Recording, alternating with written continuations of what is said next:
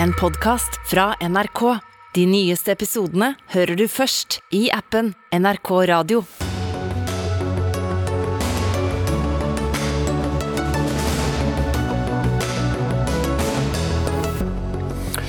Nå får Politiets sikkerhetstjeneste utvidede fullmakter til å lagre det vi har skrevet på nett i opptil 15 år, av hensyn til sikkerheten. SV frykter det kommer til å gå utover ytringsfriheten, mens Høyre støtter regjeringens lovforslag. Jonas Gahr Støre skifter mannskap på statsministerens kontor. Hvorfor skal vi bry oss om det? Svaret kommer i Dagsnytt 18. Tysklands tidligere forbundskansler Gerhard Schrøder risikerer å bli kastet ut av sitt gamle parti. Årsaken er vennskapet med Vladimir Putin. Og nå er det på tide å begynne å tenke på hasjsalg på polet, mener Foreningen for human narkotikapolitikk. Det løser ingen problemer, ifølge KrFU. Slik er det, og slik blir det vel også. Eh, dette er eh, Dagsnytt 18 på NRK P2 og NRK2, dersom eh, du har oppdaget mange herrer i kortbukser på TV. Jeg heter Espen Aas, og vi starter altså med politiet, som nå får større mulighet til å lagre det du har foretatt deg på offentlige plattformer på nettet. Regjeringen vil at politiet skal kunne få lagre dette i opptil 15 år. Men utgangspunktet fem, da. Målet er å tidligere kunne avsløre trusler mot samfunn. Og Hedvig Moe, assisterende PST-sjef, er dette et viktig gjennomslag for dere? Det vil jeg si. Det er viktige regler for eh, PST videre. Eh, og det er jo noen hjemler som vil bli gitt til Politiets sikkerhetstjeneste, og ikke til politiet som, som sådan. Eh, PST sitt hovedoppdrag det er jo å skulle ta vare på rikets sikkerhet. Og i det så ligger det jo særlig at vi skal forhindre terrorisme og hindre at fiendtlige stater får tak i informasjon som vi ikke vil de skal ha. Ehm, men eh, hjemlene og grunnlaget for hvordan vi skal gjøre det, eh, det de er ca. 20 år gamle. Eh, og både verden og livene våre og terrorisme og etterretning har jo forandra seg mye i den perioden. Og i mye større grad på nettet, på internett, enn det det, enn det, det var da når vi fikk disse, disse lovhjemlene. Så vi tenker at det først og fremst setter oss i stand til å håndtere mye bedre den situasjonen som er rundt oss nå i 2022. Men eh, hvordan skal så store datamengder både kunne samles inn og, og lagres, og hvordan skal, skal dere gå frem? Jeg tror først og fremst at det ikke blir så store datamengder som man kanskje ser for seg. Eh, for vår del så er det veldig viktig å kunne prøve å forklare litt nærmere hva som faktisk ligger i eh, de mulighetene vi får til å lagre offentlig tilgjengelig informasjon. Og For det første så er det jo nettopp offentlig tilgjengelig informasjon dette her gjelder. Så eh, vi kan ikke gå inn i e-posten din og lese den. Vi kan ikke gå inn i lukka fora på nettet. Og vi kan ikke gå inn i noen ting som, som er passordbeskytta. Det dreier seg rett og slett om det man finner liggende åpent på, på internett. Men hvis jeg da i 2022 eh, skriver eh, noe lite fordelaktig, og kanskje opp mot truende om et regjeringsmedlem, så er det også da informasjon som dere kan eh, sitte på til 2037? Eh, jeg tror ikke vi ville vært så interessert i det du hadde skrevet, sånn som du beskriver det, faktisk. Fordi eh, vi er nok interessert i en overraskende liten del av det som ligger på, på internett. Eh, vi er veldig lite interessert i det som norske borgere generelt skulle skrive på nettet. Vi er bare interessert i det som kan gjelde terror eller etterretning. Og vi vil jo ikke laste ned hele internett, vi vil avgrense søkene våre. Eh, medarbeiderne våre eh, med sin kompetanse da, vil prøve å finne ut av f.eks. hva fora er det som kan være aktuelle for å finne ut om noen eh, prøver å påvirke valget i, i Norge. Så, Men de foraene er jo gjerne lukket, så hvorfor skal dere da gå inn i de åpne foraene og, og se der? Ja, det kan du si. Eh, de lukka foraene kan vi jo få tilgang til hvis vi får eh, lov til det av domstolen. Og Det er litt sånn viktig for meg å få fram at det dreier seg ikke om masseovervåkning på noe vis. Eh, hvis vi skal gå inn og følge en enkelt person som vi er bekymra for, så er det de samme rettssikkerhetsmekanismene som gjelder nå, som vil gjelde etter de, etter de nye hjemlene. Så det blir ikke noe andre vilkår for det. Eh, men da kan man jo spørre seg, da, som du sier, hva er det da vi skal drive med? Det var det jeg skulle til å spørre om en gang til, siden du ikke hadde svart på det. Ja. ja, og det kan jeg svare på nå. Eh, fordi det vi ønsker å gjøre, er å prøve å finne mer ut av hvordan et fenomen eller en type ekstremisme f.eks. utvikler seg. Jeg kan jo kanskje eksemplifisere med det terrorangrepet i Christchurch i 2019. Eh, for der var det jo en del ting som, eh, som skjedde som definerte høyreekstrem terrorisme på en annen måte enn det vi hadde sett før. altså Bl.a. denne livestreamingen og veldig sånn spredning av manifester i åpne fora, da faktisk.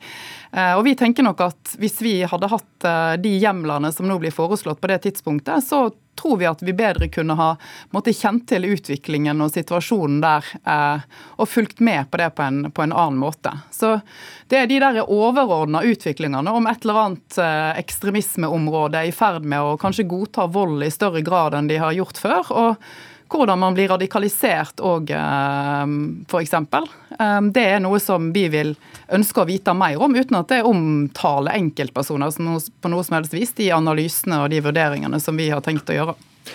Dette er da lovforslag fra regjeringen, men det får flertall i Stortinget. Men dere kommer ikke til å hjelpe til med det. Andreas Skjalg Gundeland, stortingsrepresentant fra SV og medlem av justiskomiteen. Hva er det dere ikke liker med, med dette? Dette vil jo være å gi eh, PST eh, en vid fullmakt til å kunne hente inn og samle inn informasjon om egentlig alt som blir ytret og skrevet på internett. I kommentarfelt, i sosiale medier, på, på nettsider. Eh, og Departementet skriver det egentlig ganske ordrett ut i dette lovforslaget. De legger til grunn dette er en innskrenking av ytringsfriheten. Dette rammer ytringsfriheten. Og skal man gjøre det, for det kan være gode hensyn som man skal beskytte her. Altså, jeg tror alle er opptatt av at vi skal ha eh, en god sikkerhetstjeneste, men det må være tilstrekkelig begrunnet. Man må veie de ulike hensynene opp mot hverandre, og det må være proporsjonalt. Det er flere tunge aktører på dette feltet sier. Datatilsynet, EOS-utvalget, eh, Norsk institutt for menneskerettigheter sier at det er det ikke. Mm. EØS-utvalget, altså de som overvåker etterretningstjenesten her i landet. Ja. EOS-utvalget, eh, de sier det. Og, og da mener vi at da må vi kanskje trekke litt i bremsen her. Eh, å foreta en grundigere vurdering og en grundigere utforming av hvordan disse hjemlene skal være. Selv om man har snakket om dette i to tiår? Ja, Man har snakket om, om, dette en stund, men det er ganske stor forskjell på å gi en vid hjemmel til å kunne samle inn hva som helst. Eh, og som vil gjøre at folk vegrer seg for å skrive ting i det offentlige rom. Eh, og det er det man er redd for, at folk ikke vil slutte å delta i debatter, vil slutte å skrive ting eh, på nettet i frykt for at de blir overvåket. Og det er jo det man kaller en chilling-effekt, og det er et problem. Mm. Men Hårek Elvenes, som folkevalgt på, på, Stortinget fra Høyre, du er ikke bekymret for demokratiet på nett? Nei, vet du, jeg faktisk ikke det. Eh, det er klart, Dette må jo veies opp mot ytringsfriheten. Men det er jo ikke, det er jo ikke hele internett som skal lastes ned av PST. Det er jo helt utvalgte områder knytta til ekstremisme, eh, terror, etterretning. Slik at PST kan ha muligheten til å se trender over tid. Eh, og Dette lå inne som en anbefaling fra Gjørv-kommisjonen og har vært eh, på den politiske dagsordenen i, i mange år. Hva gjelder ytringsfriheten, så må jo den veies opp mot andre samfunnshensyn. Eh, dette gjøres jo for at man skal rett og slett kunne avverge i sin ytterste konsekvens terror.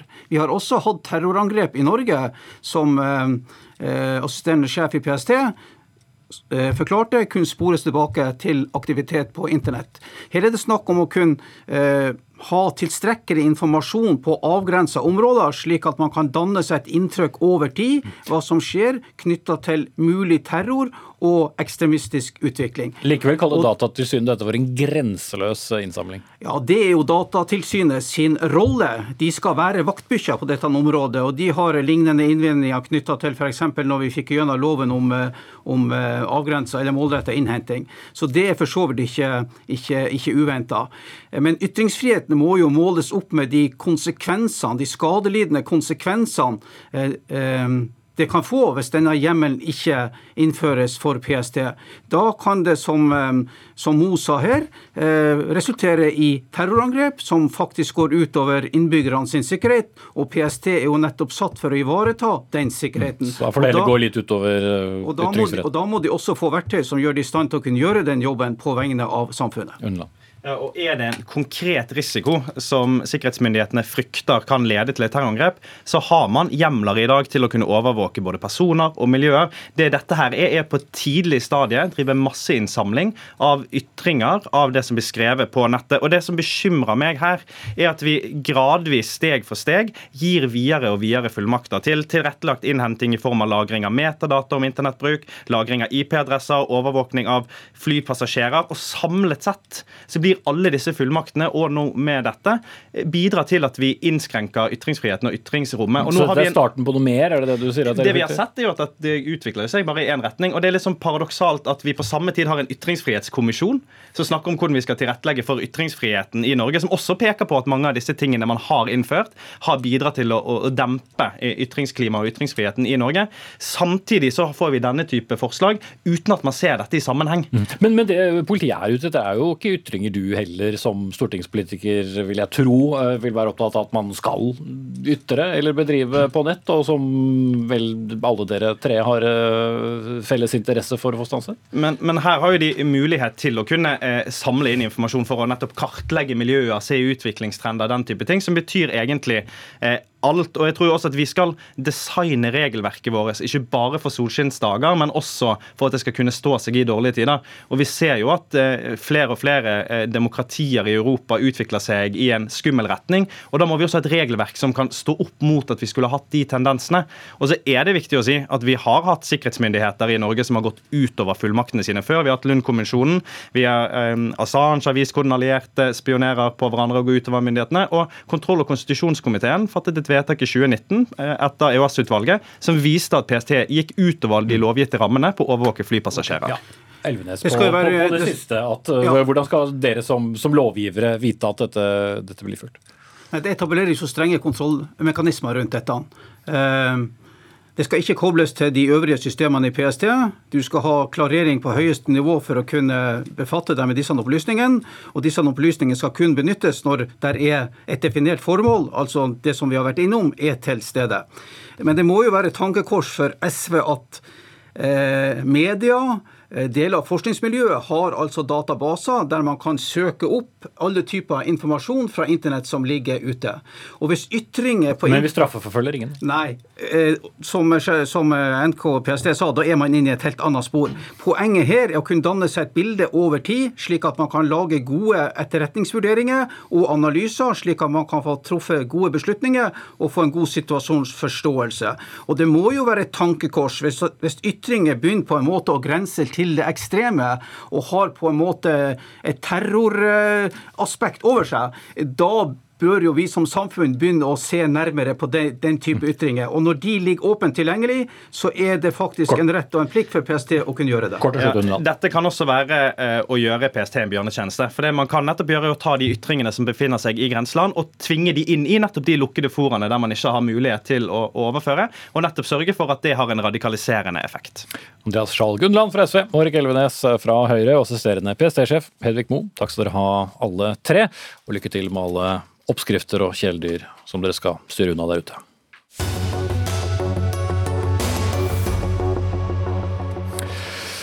Da skal det handle om uh, offentlige brev i Dagsnytt 18. For det plinger og lyser på mobilen. Det er varsel om at du har fått et viktig brev fra Nav. og Det kommer både på SMS og på e-post og digital postkasse og jeg vet ikke hvor. Og dette er alvor, og du må frem med bank-ID-en din og logge deg inn. Og det står du har ikke søkt om foreldrepenger. Og den som har fortalt denne historien er deg, Sara Koppang, da du nylig fikk eh, brev fra Nav. Og det brevet resulterte også i at du satte deg ned og skrev innlegg i Aftenposten, hvor du rett og slett tar et oppgjør med Nav når det gjelder språket. Hva var det som fikk deg til å skrive til avisen?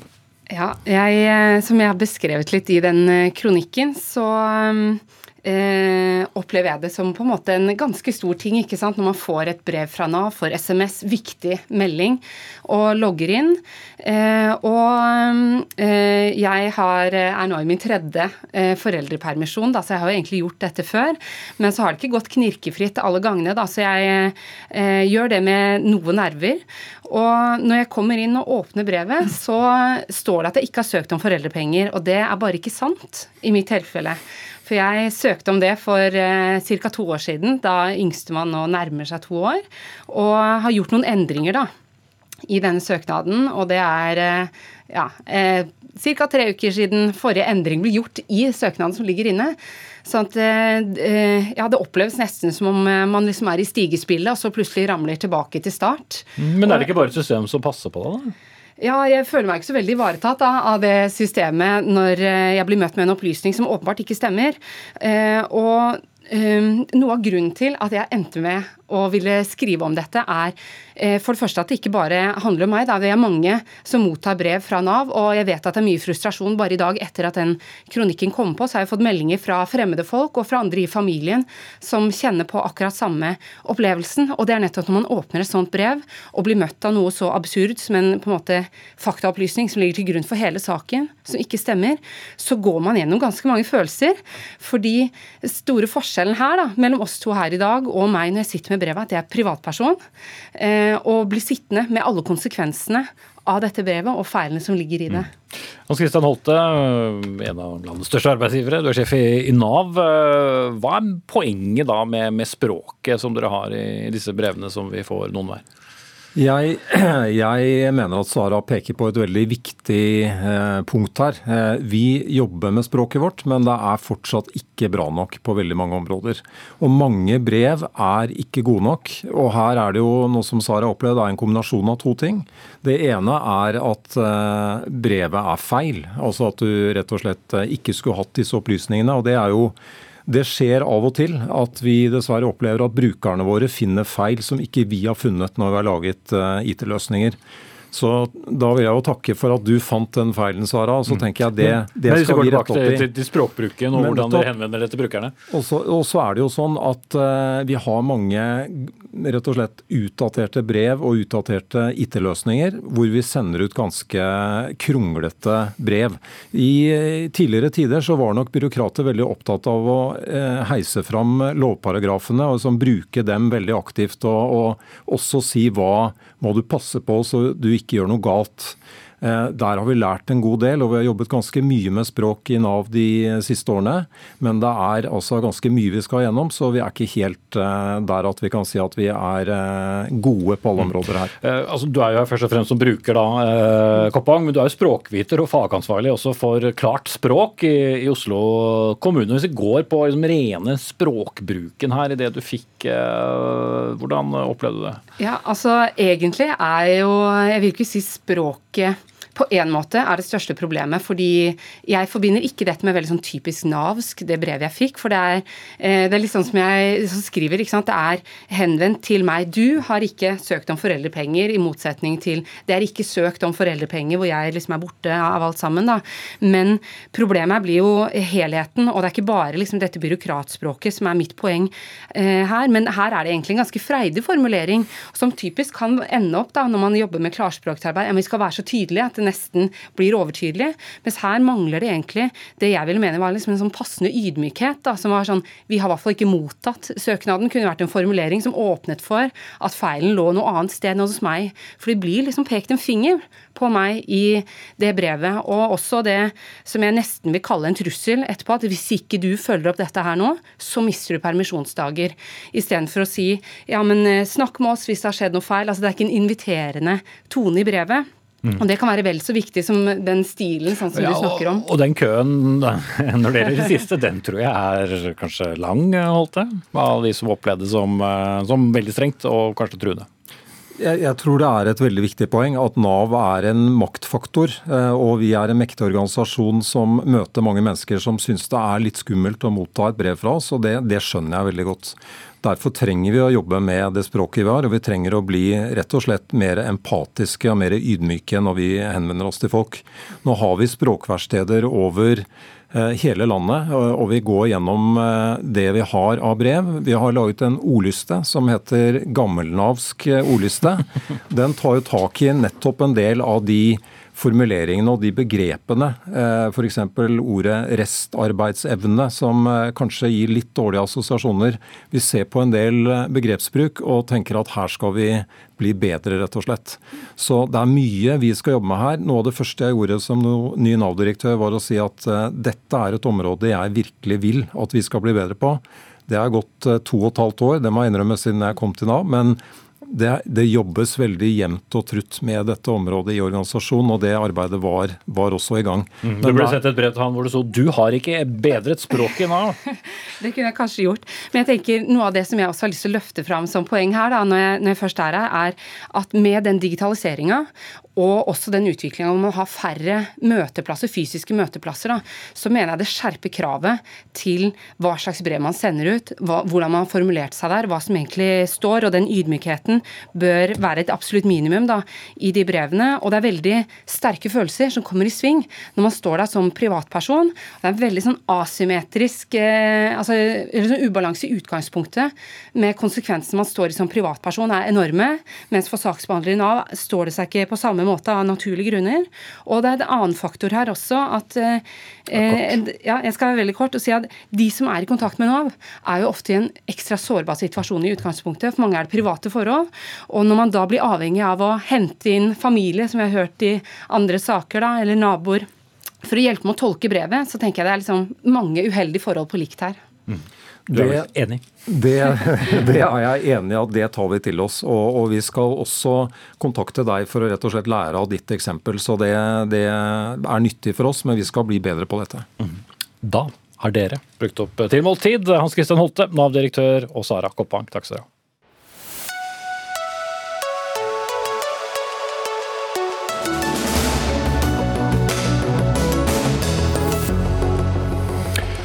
Så til noe vi sjelden gjør så mye ut av her i Dagsnytt 18, nemlig skifte av statssekretærer i regjering. Men i dag ble to statssekretærer, Tale Jordbakke og Siri Hytten, som de fleste, eller færreste mener jeg, av dere der ute kjenner til, ble byttet ut med herrene Kristoffer Toner og Halvard Hølleland. Dette skjer på et tidspunkt der både tilliten til statsminister og regjering er på et bunnivå, og der også statsministerens kontor har fått mye kritikk for eh, manglende håndtering, eller pressehåndtering og koordinering.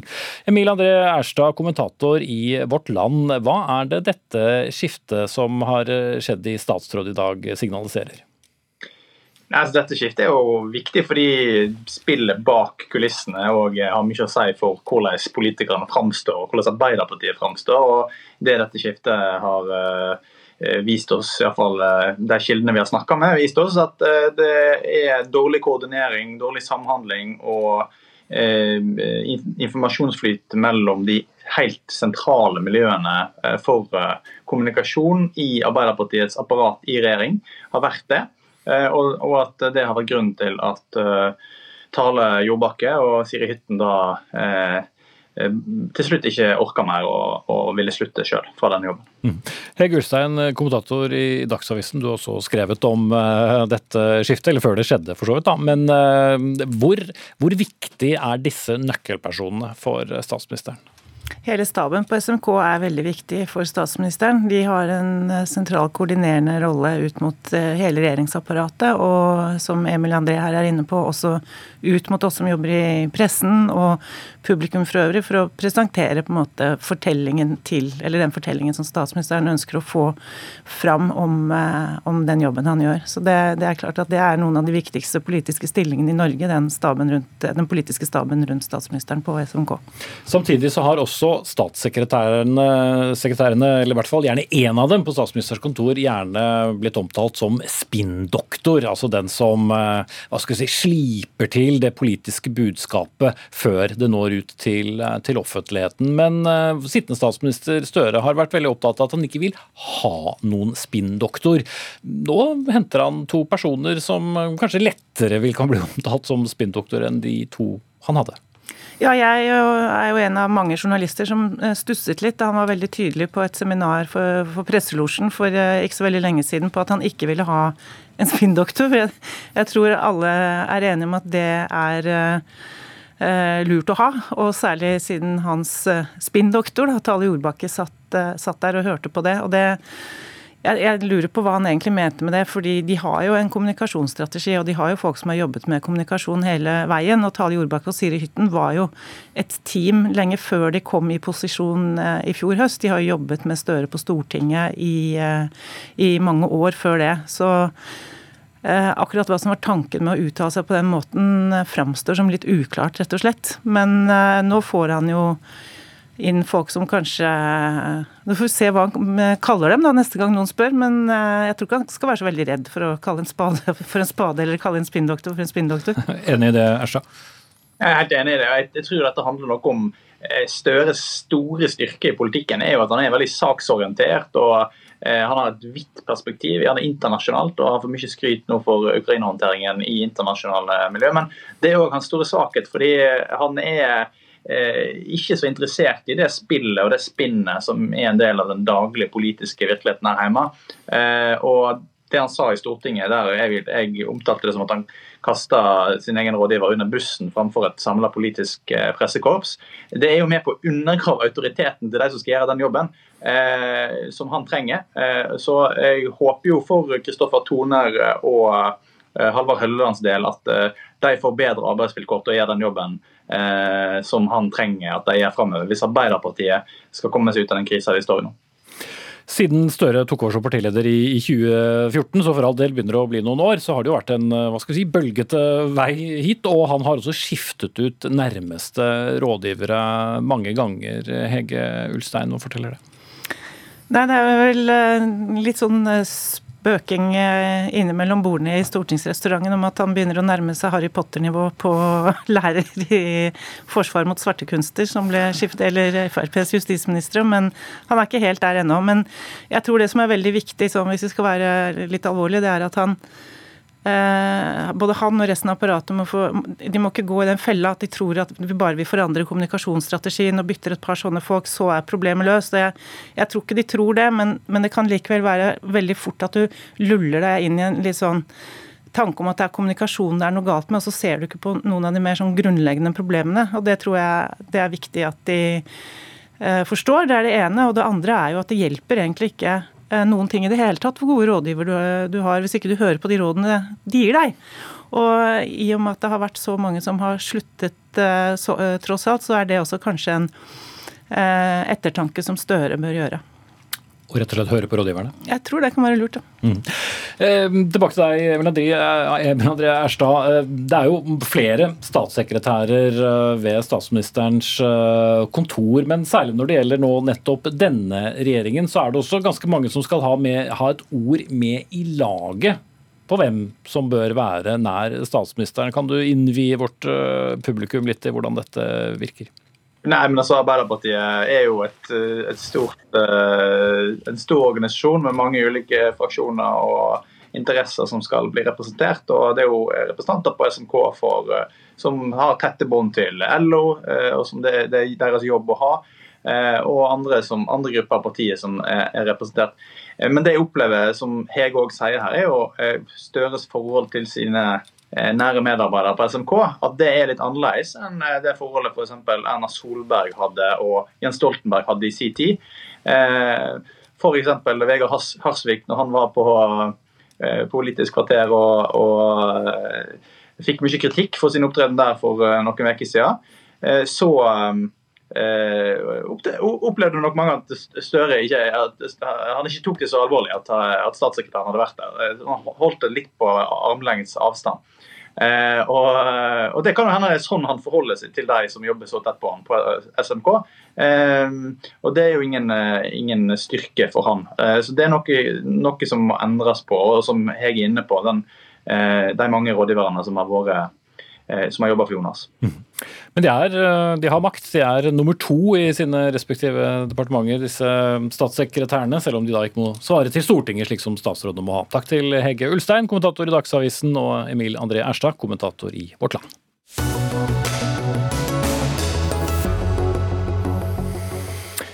Men vi gir da oss ikke med politikk av den grunn, for det skjer eh, alltid mye i eh, Stortinget inn mot eh, årsslutt. Og fritt behandlingsvalg blir nå avviklet fra nyttår.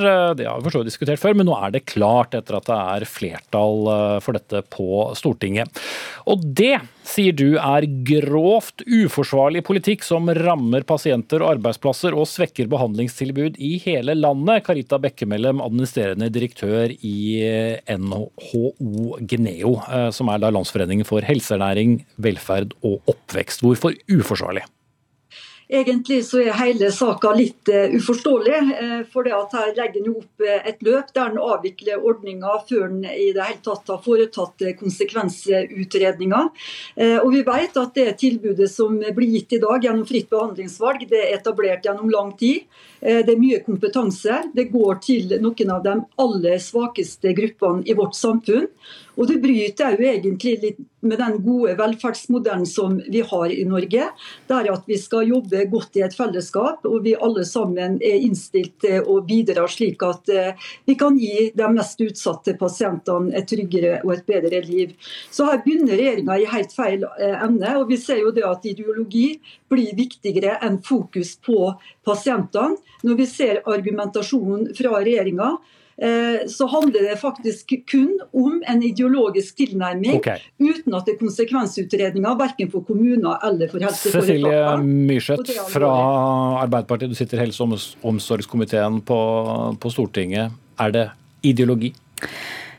Nei, dette er viktig og det er riktig. Og det handler om å bruke helsepengene våre riktig, det handler om å bruke helsepersonell riktig. Men jeg, har, jeg skal være enig i én ting. At det har vært et snev av eh, ideologi og ideologiske skylapper i det her. Og det er Dere er jo politikere, tross alt. Ja, det er vi. Men det var når man innførte denne ordninga. Høyre gjorde det ikke fordi at fagfolkene sa at nå trenger vi økt privatisering i helsevesenet, men det er jo fordi man tror på at privatisering er løsninga for alt. Men vi må rydde litt. fordi at når eh, Karita fra NHO eh, står her eh, og roper ut sånn skremselspropaganda at dette kommer til å bli en katastrofe for pasientene, så reagerer jeg ganske sterkt på henne på det. Og eh, Hun representerer jo ikke pasientene i Norge. Hennes arbeidsgiver og oppdragsgiver det er altså markedet sjøl. Det er de sånn, helsebedriftene som ønsker å skape et marked ut av det. Så det er næringsinteresser som ligger til grunn når man kommer med, med dette. Men jeg er opptatt av at vi skal kunne få gitt godt, god helsehjelp, og at man må slutte med ordning hvor, eh, hvor private bedrifter har kunnet etablert seg fritt eh, på bekostning av lokalsykehusene våre, som har betalt regninga. Nå er det slik at offentlige har i mange mange år hatt full mulighet til å bygge opp et forsvarlig og et godt tilbud til noen av de mest utsatte brukerne. Og jeg lurer på om Myrseth har deltatt og vært på en del av institusjonene, møtt pasientene og brukerne, møtt de ansatte. Og det vi ser i forhold til etableringa av en del av disse virksomhetene som nå kommer til å bli lagt ned, det er jo fordi at en har følt på et problem sjøl i livet. En har starta opp og klart å etablere både trygge arbeidsplasser og gode kompetansemiljø, som regjeringa nå med et pennestrøk Men du må være ærlig på hvem du representerer. Og det som er viktig, og, det, og det, dette her er faktisk ikke en god politikk for sosialdemokratiet. Det Arbeiderpartiet gjør her, jeg er jeg en næringslivet av den ideologien som heller burde bestå i å bygge opp gode og trygge tilbud, og bygge på det gode partnerskapet. Men, men, bare for å sjekke ut det, eller ta den biten da, mellom, som, som Myrseth har vært inne på et par ganger nå. Du eh, representerer jo først og fremst da bedrifter som også tjener penger på den ordningen som er i dag? Vi representerer dem som trenger et godt og et trygt tilbud. Og Heldigvis så har vi da gode private aktører i Norge som har vært med og tilrettelagt for at vi kan ha et slikt type tilbud, både innenfor rus, innenfor psykiatri. Vi ser det at Når det gjelder spiseforstyrrelser, så har ikke staten stilt opp og gitt det tilbudet som er helt nødvendig. Og vi ser at vi har hatt muligheter til å kunne tilrettelagt for dette her. Men, men, men når de tilbudene blir borte, da, Myrseth, hva står klart og venter? På, det som... jeg, jeg må, må, bare bryte deg litt av her, Bekkemellom, og la Myrseth slippe til på den tiden vi har. Vi skal fremdeles ha en miks av offentlige og private helsetilbud eh, i Norge, sånn som vi alltid har, eh, har hatt. Eh, og pasientene skal kunne velge fritt fremdeles på behandlingssted, men det må være i forsvarlige former. Det må være ut ifra de behovene som samfunnet har, hvor man inngår langsiktige kontrakter med helseforetakene. Og mange av de som i dag tilbyr tjenester gjennom den ordninga som vi avvikler, kommer jo fremdeles til å bestå. For veldig mange av dem har også avtaler med det offentlige. Men det vi avvikler, som Bekkemelding ikke vil snakke om, det er jo en fri etableringsrett, hvor de har sendt regninga ukritisk til lokalsykehusene våre. Og det betyr at én krone brukt på disse aktørene, er også én krone mindre i det offentlige. Så pasientene, det er kjempeviktig å få sagt, pasientene skal få forsvarlig, god eh, helsehjelp, uavhengig av om man har denne ordninga eller ikke. Det skal det offentlige sørge for. Så de pengene som går tilbake igjen til, mm. eh, til helsetilbudet til pasientene. Ja, poenget her Myrseth, er jo at tilbudet blir avvikla fra 1.1. Og det er ikke slik at disse tilbyderne står klar når staten nå ser det at de ikke klarer å iverksette tilbud. Jeg har lyst til å spørre deg konkret om én ting. Det er Hva har dere gjort da for å tilrettelegge for kostnadskonsekvenser, for at kommunene kunne tilrettelegge for det tilbudet som, Nei, det har... tilbys? Og hvordan skal helseforetakene med den pressa økonomien har? Ikke for lange spørsmål, for da rekker vi ikke alle svarene. Det som, har, eh, det som, vi har, gjort, det første så styrker vi, jo, eh, styrker vi jo nå eh, tilbudene til psykisk helse og rus. Vi øremerker midler til det. Vi er veldig tydelige til sykehusene at de skal prioritere det. De samme pengene som har vært brukt til dette, skal fremdeles brukes til helsehjelp. Og det er jo det aller, aller viktigste, at pasientene får et godt tilbud der de bor. Men det er ikke min jobb å sørge for at alle som ønsker å tjene penger på helse, skal få lov til å gjøre det. Min jobb på Stortinget, det er å sørge for at pasientene får et forsvarlig godt tilbud. Og da må også kvaliteten være i fokus. Det har det ikke alltid vært. Disse bedriftene har hatt et minimumskrav når det kommer til eh, kvalitetskrav, og Statens helsetilsyn har bl.a. sagt det har vært vanskelig å kontrollere det. Vet du at Det er helt utrolig at det ikke er et engasjement i forhold til de pasientene som i dag får et viktig tilbud. Og Jeg har vært og besøkt mange av institusjonene, jeg har snakka med brukerne. og Det de uttrykker nå, det er en frykt i forhold til det tilbudet de skal få. Mange har vært eh, rundt om på ulike offentlige institusjoner, og endelig gjennom mange mange år så får de et kvalitativt og et godt tilbud. Og jeg har lyst til å spørre deg helt konkret, Har du vært og besøkt institusjonene som du nå angriper i forhold til jeg tror, jeg tror, ikke vi skal gjøre her en konkurranse om hvem som har besøkt flest. Poeng, poeng, poenget her er at vi har to ulike eh, løsninger. Du snakker for de bedriftene som du representerer, som du får betalt for å representere. Min jobb er å sørge for at man bruker helsepengene, helsepersonell riktig, som gjør at vi får best mulig helsehjelp i dette landet. Det er min jobb. Du har en annen rolle. Og der må jeg sette strek. Eh, Cecilie Myrseth eh, i helse- og omsorgskomiteen på Stortinget og Karita Bekkemellem, administrerende direktør direktør i NHO Geneo.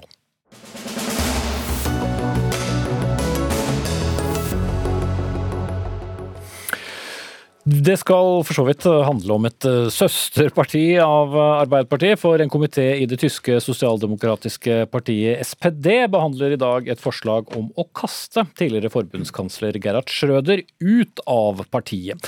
Schrøder har vært eh, omstridt, ikke minst det siste året, og regnes som en nær venn av Russlands eh, president Vladimir Putin, og har også eh, jobbet for russiske energiselskaper i årevis etter at han forsvant ut av politikken. Astrid Sverresdottir Dypvik, du har skrevet flere bøker om tysk etterkrigspolitikk og har jobbet i Tyskland en årrekke. Hvordan havnet Schrøder der han har havnet nå i dag? Jo, eh, Det skyldes jo en sammenblanding av privatøkonomiske interesser med den politiske kapitalen som han har som tidligere kansler, altså, og da med det at han stadig insisterer på at han gjør det han gjør av hensyn til Tyskland, da, at han har Tysklands beste for øye. Og Det her har da kommet i et veldig grelt lys nå, da, særlig etter invasjonen av, eh, av Ukraina. Eh, og også sett da f.eks. at han sa, da han fikk høre om massakren i Butsja, at eh, jeg tror ikke det var Putin som ga ordre til det. Og det her er en tidligere kansler i Tyskland, så det har naturligvis eh, opprørt veldig mange. Mm. Og vært kanskje i mange sammenhenger mer opptatt av energiforsyning til Tyskland enn, enn hva som har skjedd i Ukraina? Ja, ja, det er jo det han har. Han har jo siden han eh, gikk av som kansler i Tyskland, så har jo han jobba for russisk energisektor, da, med, først med denne Nord Stream-ledninga, Stream og siden så har han jo også jobba for, for, Rosneft. Og det, det han, var han jo heller ikke villig til å, til å gå fra den stillinga før han ble pressa til det da, mange måneder etter den russiske invasjonen av Ukraina. Morten Wetland, du var ambassadør i, Tyskland mens eh, Schrøder var uh, kansler, og møtte ham uh, flere ganger. Hvordan har du lest dette forholdet hans til, til Putin etter at han gikk av og overlot til Angela Merkel? Tyskland, unnskyld, altså Gerhard Schrøder snakker ikke engelsk. Sånn at I gruppen av vestlige ledere så har han vært den eneste som ikke er i stand til å føre en politisk samtale på engelsk, egentlig. Den franske presidenten snakker utmerket engelsk. Men han snakker altså eh, et tysk som er nesten like bra som Putins. Putin Russisk, mener du? Ja. Nei, han snakker også Putin er flytende i tysk. Ja, den veien. Beklager. Den veien, ja. Så han var jo Putin KGB-agent i Dresden i ti år under eh, delingen av Tyskland. Og han var den eneste, Gerhard Schrøder var den eneste som kunne snakke sitt morsmål med Putin. Eh, og dermed så hadde han mer å rapportere tilbake til sine vestlige kolleger på det nivået, som de andre ikke fikk tak i, fordi han fikk en helt spesiell nærhet gjennom det at de delte tysk, og kan føre en type samtale hvor man leker med språk og kommer med ordspill og mye rart sånn, som skaper en egen atmosfære. da. Det er det ene. Det andre er jo at uh, Gerd Schrøder kommer fra ganske fattige kår. Det gjorde de fleste tyskere etter krigen. og Schrøder er født i 44. Faren hans døde på østfronten, og moren hans måtte ta en del svakt betalte stillinger for at Gertrud Schrøder skulle ha mat på bordet hjemme. Der kommer hans interesse for penger inn, tror jeg. Altså, han eh, har vært altså, mer opptatt av å tjene penger enn det som er ansett som rimelig i Tyskland. Så har vi da denne veldig trøblete historien det siste århundret mellom Russland eh, og også Sovjet eh, og Tyskland. Men så har man da denne veldige forbrødringen mellom disse to. Ja, eh, altså, i, i, Tyskland, altså siden eh, eh altså fra, fra vesttysk side, da, hvis vi kan begynne der, mm. så er det jo helt siden Willy Brandts tid, så har man jo hatt en politikk altså Hans østpolitikk var jo en tilnærmingspolitikk til, til, øst. Og egentlig da også starta det her gassamarbeidet. Eh, men eh, siden så har, eh, så har Tyskland, og særlig sosialdemokrater, lagt veldig sterk vekt på at man ønsker å ha et godt forhold til Russland, og at man vil endre Russland gjennom samhandling. og Det er jo også linja til, som, som Gerhard Schrøder har fulgt. Og, og Da han var kansler, så var jo alle sammen, egentlig hele Vesten, var ganske positiv til Putin og, hadde, eller til Putin, og man hadde den ønsket da, om å investere i Russland og utvikle Russland på den måten. Eh, og da, altså, da, så jo verden rett og slett helt annerledes ut, og det virka som et uh, sånn godt energipolitisk kort å satse på, på, på Russland. Mm. Men, men, men, også, men, også, så er det at Sosialdemokratene er jo de politikerne i, altså er jo de som har hatt den mest russlandsvennlige linjer. Altså, sånn, men no, altså, russlandsvennlig i den forstand at man ønsker samarbeid, man ønsker tilnærming. Det er jo ikke sånn at man er tilhenger av et russisk uh, skurkestat, liksom. Eller, Nei, så, så, ja, så SPD som parti har jo ikke det samme Nei. forholdet til, til, Russland som, som, som Schjøder har hatt. Men, men vet du, hvis det nå går mot en ekskludering, hva slags politisk politisk ettermæle er det han eh, da blir uh, sånn igjen? Ettermælet er ganske grumsete, enten han blir ekskludert eller ikke. Det ser ut til å ende ut i en sånn diskusjon om uh, vedtektene i partiet, og det elsker jo tyskere, da, å diskutere vedtekter. De syns det er dobbelt så morsomt å diskutere det i fire timer som i to timer. Så det, det står vel litt der. Men selve ryktet hans er uh, tilsmusset allerede gjennom de betalte oppdrag han har tatt for de uh, selskapene som Astrid nevnte her. Um, han har fått 350 000 euro i året for å rådgi. Det betyr at du gjør nesten ingenting, men du setter folk i kontakt med hverandre og prøver å påvirke. Være en lobbyist. Og Det er helt utafor rammene av hva man forventer av en altkansler, som tyskere kaller en tidligere forbundskansler. Helmut Kohl sa rett ut at det er usmakelig, usmakelig for en ekskansler og toppolitiker å tjene penger på sin politiske virke. Så det er noe helt nytt i forstand. Mm. Vi må runde her, men Dypvik, SPD som du nevnte har jo da hatt en litt mer vennlig innstilt tilnærming til, til, Russland inntil nå. da. Skader det partiet, den historien med, med Schøder? Ja, det skader partiet på mange forskjellige måter. fordi at For det første så, så blir man dratt inn i den her grådigheten til Gerhard Schrøder. At man på en måte, partiet kommer i dårlig lys fordi at man kan altså, få mindre tillit til til politikerne i SPD. Og så er det også fordi at, fordi at, SPD faktisk fortsatt er kanskje et av de partiene i Europa som har mest lyst til, til dialog med Putin, og som har mest Eh, som har mest lyst til å altså, har en lite konfrontativ linje også i, i Nato. Det er jo regjeringsparti. Og den linja den tar seg jo mye dårligere ut når du har Gerhard Schrøder, som bagatelliserer russiske krigs, krigsforbrytelser åpent, sånn, sånn, som han har gjort. da. Mm. Selv om ja. det ikke er det samme, så smitter det jo over. Konklusjonen kommer ikke i kveld, men kommer etter hvert. Takk til Astrid Sverresdottir Dypvik, journalist og forfatter, og Morten Wetland, tidligere ambassadør til Tyskland.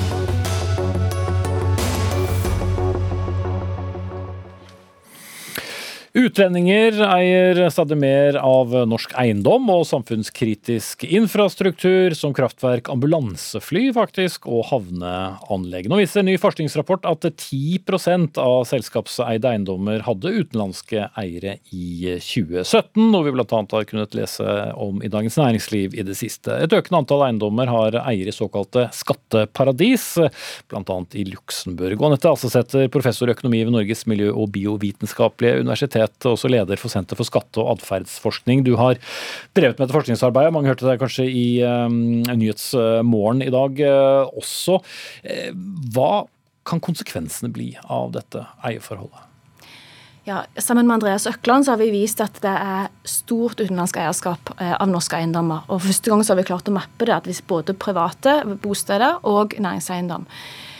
Utenlandsk eierskap er ikke et problem i seg sjøl. Altså, vi vil jo ha utenlandsk kapital og investeringer til Norge. Men du trenger å vite hvem det er som eier, som vel er poenget ditt i innlegget ditt i dag? Ja, for problemet er hemmelighet, hemmelighold. Og, og, og det er det, altså, Vi har en global økonomi, eh, pengene flytter rundt omkring. Men, men det er vanskelig, og når, når, man går over landegrensen, så er det et slags hemmelighetsslør som kommer inn, som gjør at skatteetaten og andre har veldig vanskelig med å innhente informasjon.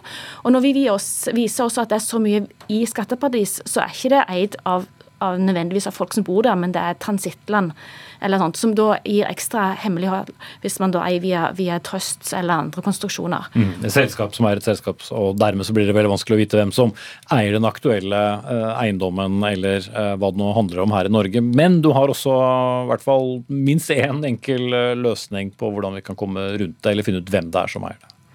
Ja, eh, for Problemet er jo at det legger til rette for, for, hvitvasking og korrupsjon. Og at det er også en trussel for Vi vet jo ikke hvem som eier det. og Kritisk infrastruktur, som hos Dagens Næringsliv viser, at det er kritisk infrastruktur som er eid fra utlandet. Eh, sånn at det er jo, som også Økokrim sier, så er det fremmede makter som kan eie. Og Da er det tenker jeg, da er det opp til politikerne å si en gang for alle at vi aksepterer ikke hemmelighold. Eh, og Da er det mange ting de kan gjøre, men det er to ting du kan starte med. Først og fremst bare bruk penger i makten og si at når vi investerer, eller betaler så mange milliarder ut i innkjøp av tjenester fra private, så sier vi da klart i anbudskonkurransen at vi gir ikke kontrakter til noen som ikke oppgir hvem som er de reelle eierne eller oppgir om de faktisk betaler skatt rundt omkring. For Det er også et problem det at man, hvis man da er i skattepartiet som ikke betaler skatt, så utkonkurrerer man andre bedrifter som er i Norge og betaler sin skatt. Så har vi kommet også til den andre måten å sikre dette på?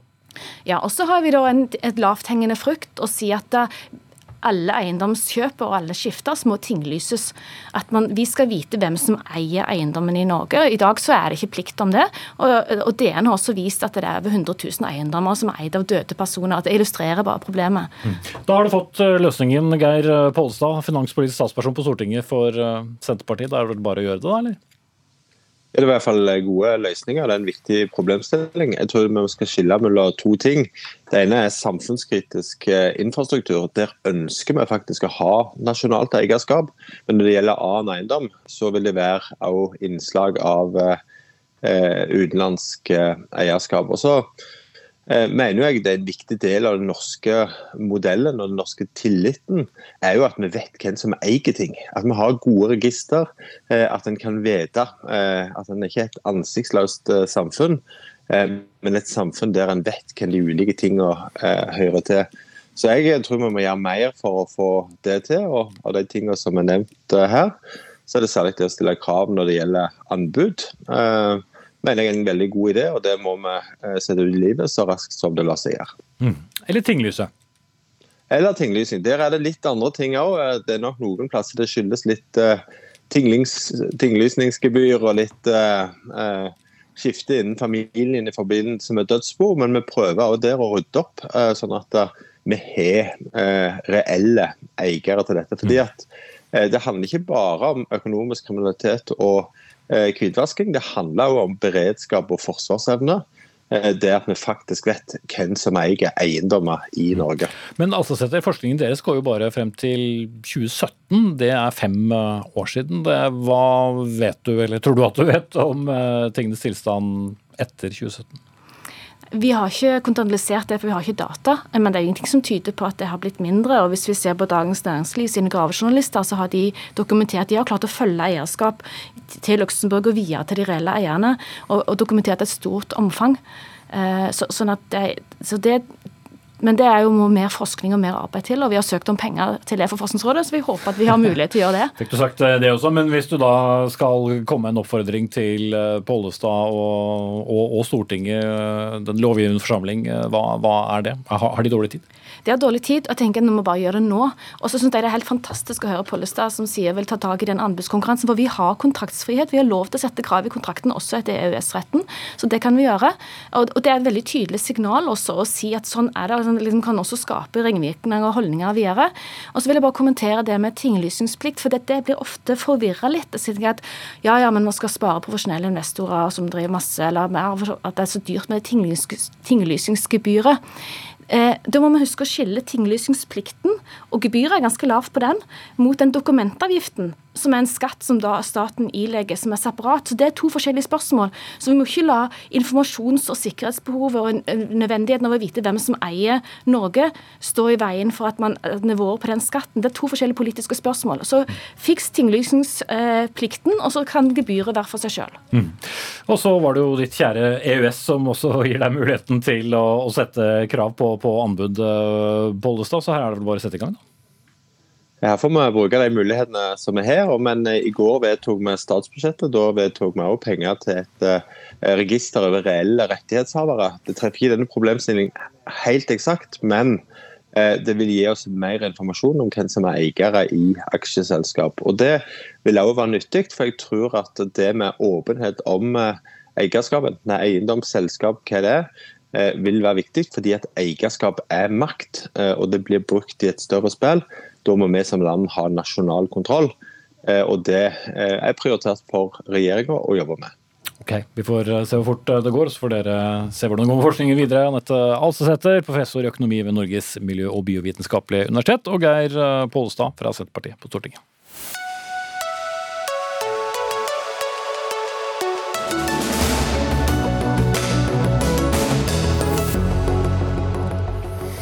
Mens Vinmonopolet feiret seg selv tidligere denne uken og sine 100 år, har andre hatt helt ja, andre tanker om hva de kan drive med fremover. De driver ikke akkurat og skyter hverandre på polet, kunne vi lese i en kronikk i VG denne uken, skrevet i kjølvannet av det som skjedde på Grønland i hovedstaden forrige helg der en mann ble skutt og drept. Kronikkforfatter Arild Knutsen, leder i Foreningen for human narkotikapolitikk, tar i kronikken et kraftig opp, kraftig til orde snarere for at vi bør prøve ut legalt, kontrollert salg av cannabis, f.eks. på polet. Knutsen, og hvorfor er det god idé? Altså, Forbudspolitikken er totalt uten evidens og fører til eh, tragiske konsekvenser. og så er det jo ikke, Vi vil jo ikke gjøre noe helt annet enn det Vinmonopolet feira at de har gjort i 100 år. Vi gjør det samme. Bruke de politisk styrte virkemidler for å få innført restriksjoner som vi vet at nytter, og for å, at penga skal gå til statskassa istedenfor til, for til mafiatilstander. Mm. Og det var jo et eh, alkoholforbud som førte til eh, at vi fikk et vinmonopol eh, for 100 år siden, uten at noen av oss husker det. Hadle Rasmus Buland, leder i KrFU. Men mm. dette som løsning, det har du absolutt ingen tro på? Nei, jeg har ikke det. Men jeg deler engasjementet til Knutsen nettopp om at vi ønsker en tryggere by, og vi ønsker også at færrest mulig unge skal havne inn i narkotikakriminalitet. Men så har jeg null tro på at å legalisere hasj er noen løsning på det problemet. Og Det er to grunner. Først og fremst fordi at det svarte markedet kommer også til å bestå. Det viser også delstater og land som har legalisert, at det, det svarte markedet det består. Og ofte så utkonkurrerer det også det regulerte salget, fordi det er billigere og mer tilgjengelig enn det regulerte salget. Så det blir åpenbare. Istedenfor ett marked blir det to marked. I tillegg så mener jeg vi må gjøre heller noe med de underliggende problemene som gjør at ungdom velger å oppsøke disse kriminelle miljøene. Eh, og Det tror jeg handler om nettopp mangel på tilhørighet, fritidsaktiviteter. Det er der problemene ligger. Mm. Men ville de, oppsøkt de, ville de oppsøkt de kriminelle miljøene hvis de ikke trengte å gå til de kriminelle miljøene for å kjøpe cannabis? Altså, Det som viser er jo at eh, Når du har legalisert i de landene, så har bruken økt. Eh, og så har òg de eh, svarte markedet blitt stående. Så jeg mener at Den erfaringen som vi har med andre land som har legalisert, de er ikke gode tall å vise at vi skal legalisere. Så er det jo et mål. Vi ønsker lavest mulig rusbruk, og da vet vi at forbud er det viktigste tiltaket. Knudsen. Ja, altså, så Cannabis utgjør den desidert største illegale rusøkonomien. og å, altså, det, er så veldig lett å bli rekruttert til dette her. fordi Når du driver med cannabis, så driver du noe som er relativt og ansett som uskadelig. Du har ingen grunn til å ha dårlig samvittighet, og så blir du fanga inn i en illegal økonomi som, som, gjør at folk til slutt eh, havner borti andre typer stoffer. Og du skriver jo eh, i markedet for andre stoffer, og du skriver jo at vi må ha mer politi. altså mm det er veldig godt utprøvd og gjør bare vondt verre. Å behandle mennesker som driver med rusmidler som kriminelle. Og totalforbudet har jo ikke Det er jo ikke tilgjengelighetsbegrensende. Altså, eh, under forbudet så har bruken av cannabis gått fra en relativt liten subkultur til å være utbredt over det ganske land, og 27% av befolkningen har brukt cannabis. Da skaper du en disrespekt for loven når, når, du definerer folk som bruker rusmidler som er mindre skadelige enn alkohol, som kriminelle. Da må vi innføre det i strenge, kontrollerte, lovlige former. Mm. Og der har jo øh, øvrigheten sagt sitt. Selv om det ikke ble noen øh, rusreform, så har det jo skjedd endringer også i domstolene Bjørland, når det gjelder eh, akkurat eh, den biten, så er det ikke verdt å prøve ut noe annet når vi har forsøkt det samme i så mange år? Altså, Vi vet jo at forbud er det viktigste tiltaket for å holde rusbruken låg. Altså, du ser FHI sin rapport Kan21, som, der ungdommer skulle svare på hva er årsaken til at de velger å frastå å bruke cannabis. Så var frykt for å bli satt av politiet og fordi det er ulovlig de viktigste begrunnelsene, eller de som flest uh, brukte som begrunnelse for de ikke valgte å bruke cannabis. Så det vi vet, er jo at forbud er normgivende. Det skaper holdninger. Så, så du vil opprettholde dagens straffenivå selv for mindre brukerdoser? Ja, jeg mener at vi skal ha stille sanksjoner og krav, for, og som ikke minst gir politiet de verktøyene for sånn at folk skal komme seg ut av problemene. Og Problemet nå med eh, brevet til Riksadvokaten det er at politiet nå har ikke verktøy til å kunne hjelpe, hjelpe ungdommer og folk ut av, av, rusproblemene. sånn at nå har du rådgivende enheter som er satt, men de står helt tomme fordi politiet kan ikke beslaglegge sånn som de gjorde før. Og så er det jo de kriminelle bakmennene som utnytter sårbar ungdom. Det er jo de som vi bør ta her. Det er ikke politiet som er den stygge skurken i denne narkotikadebatten. Ja, der er vel noen forskjellige meninger, vet jeg, Knutsen. Men vi holder oss eh, til det vi egentlig snakker om, da, tilgangen på, på narkotika. Hvis man da ikke kunne selge det eh, på den måten, hva, hvor er vi da på vei? Nei, altså Jeg mener vi skal selge det på Vinmonopolet, ha det på apoteket for de som trenger det der, og så spesialforretninger. Så det er jo ikke sånn at de skal ha det i butikkhyllene, sånn som du skrev i VG. Ønsker, jeg ønsker ikke en, at det skal ligge ved siden av isbergsalaten. Uh, Derfor skal ikke ha best mulig tilgjengelighet, det er ikke det du tar til orde for? Nei, vi må begrense tilgjengeligheten, og det kan vi jo ikke så lenge det er forbudt. Og det er klart, ungdommen svarer jo at hvorfor bruker du ikke cannabis fordi det er forbudt? Det er det de veit om cannabis. Altså Det er sterke uenigheter om hvor farlig det er, hvordan det virker. De aller færre, eh, Majoriteten har ikke vært borti det, og særlig blant de unge. Og, når det gjelder de unge, så viser det seg at når du legaliserer selv i de liberalistiske stater i USA, hvor det har fått en økning i bruken, så har den ikke økt blant, blant unge. Og det er jo fordi at når cannabis er forbudt, så er det spennende og det er morsomt. Altså Hvis du går på apoteket Jeg skal ha det samme som han pensjonisten og hun rullestolbrukeren der, og så går du tilbake på skolen og ser hva jeg har. Det er ikke noe gøy. Du mister de aller fleste funksjoner ved bruken. og Derfor kan vi vente en god nedgang i bruk av cannabis blant unge når det endelig blir lovlig. Altså, jeg mener det er, helt, det er bare en myte å påstå at uh, rusbruken ikke kommer til å gå opp cannabisbruken kommer til å gå opp med forbud. Altså, bare bruk um, Colorado som eksempel, som legaliserte. altså Bruken økte 40 uh, etter du legaliserte cannabis. Da, fordi at du fjerna altså Det ble mye mer sosialt akseptert å bruke narkotika. sånn at forbudet, som jeg viser til, òg i Norge, har en veldig stor effekt. Og så er det òg bare en myte at nei, cannabis ikke er skadelig. Altså, både fare for schizofreni, lærevansker lærevansker, konsentrasjonsproblemer. En rekke utfordringer med at unge bruker narkotika kan få store konsekvenser i altfor ung alder. Så det er et selvstendig mål å holde rusbruken lavest mulig, og da er forbudet viktigst. Veldig kort til slutt, Knudsen. Det er en forbudskonsekvens at det fører til psykose og schizofreni. For da skal du eh, få det på markedet til minst mulig risiko, mest mulig profitt. Og da lager du en type cannabis som er uheldig for helsen. Under lovlige former så kan vi lage cannabis som er god for helsen. Så det dreier seg ikke om hvor mange som bruker. Så når du bruker innenfor lovlige rammer, så er den ikke nødvendigvis skadelig engang. Jeg må bryte dere av, men det er uansett et stykke igjen til du kan handle både en rød burgunder og rød Liban på samme besøk. Takk til Arild Knutsen og Hadle Rasmus Bjuland, sistnevnte fra KrFU. Vi er ved veis ende. Ansvarlig for sendingen Gro Arneberg. Ragnhild Bjørlykke tok seg av tekniske. Heter Espen Aas. Vi ønsker god helg.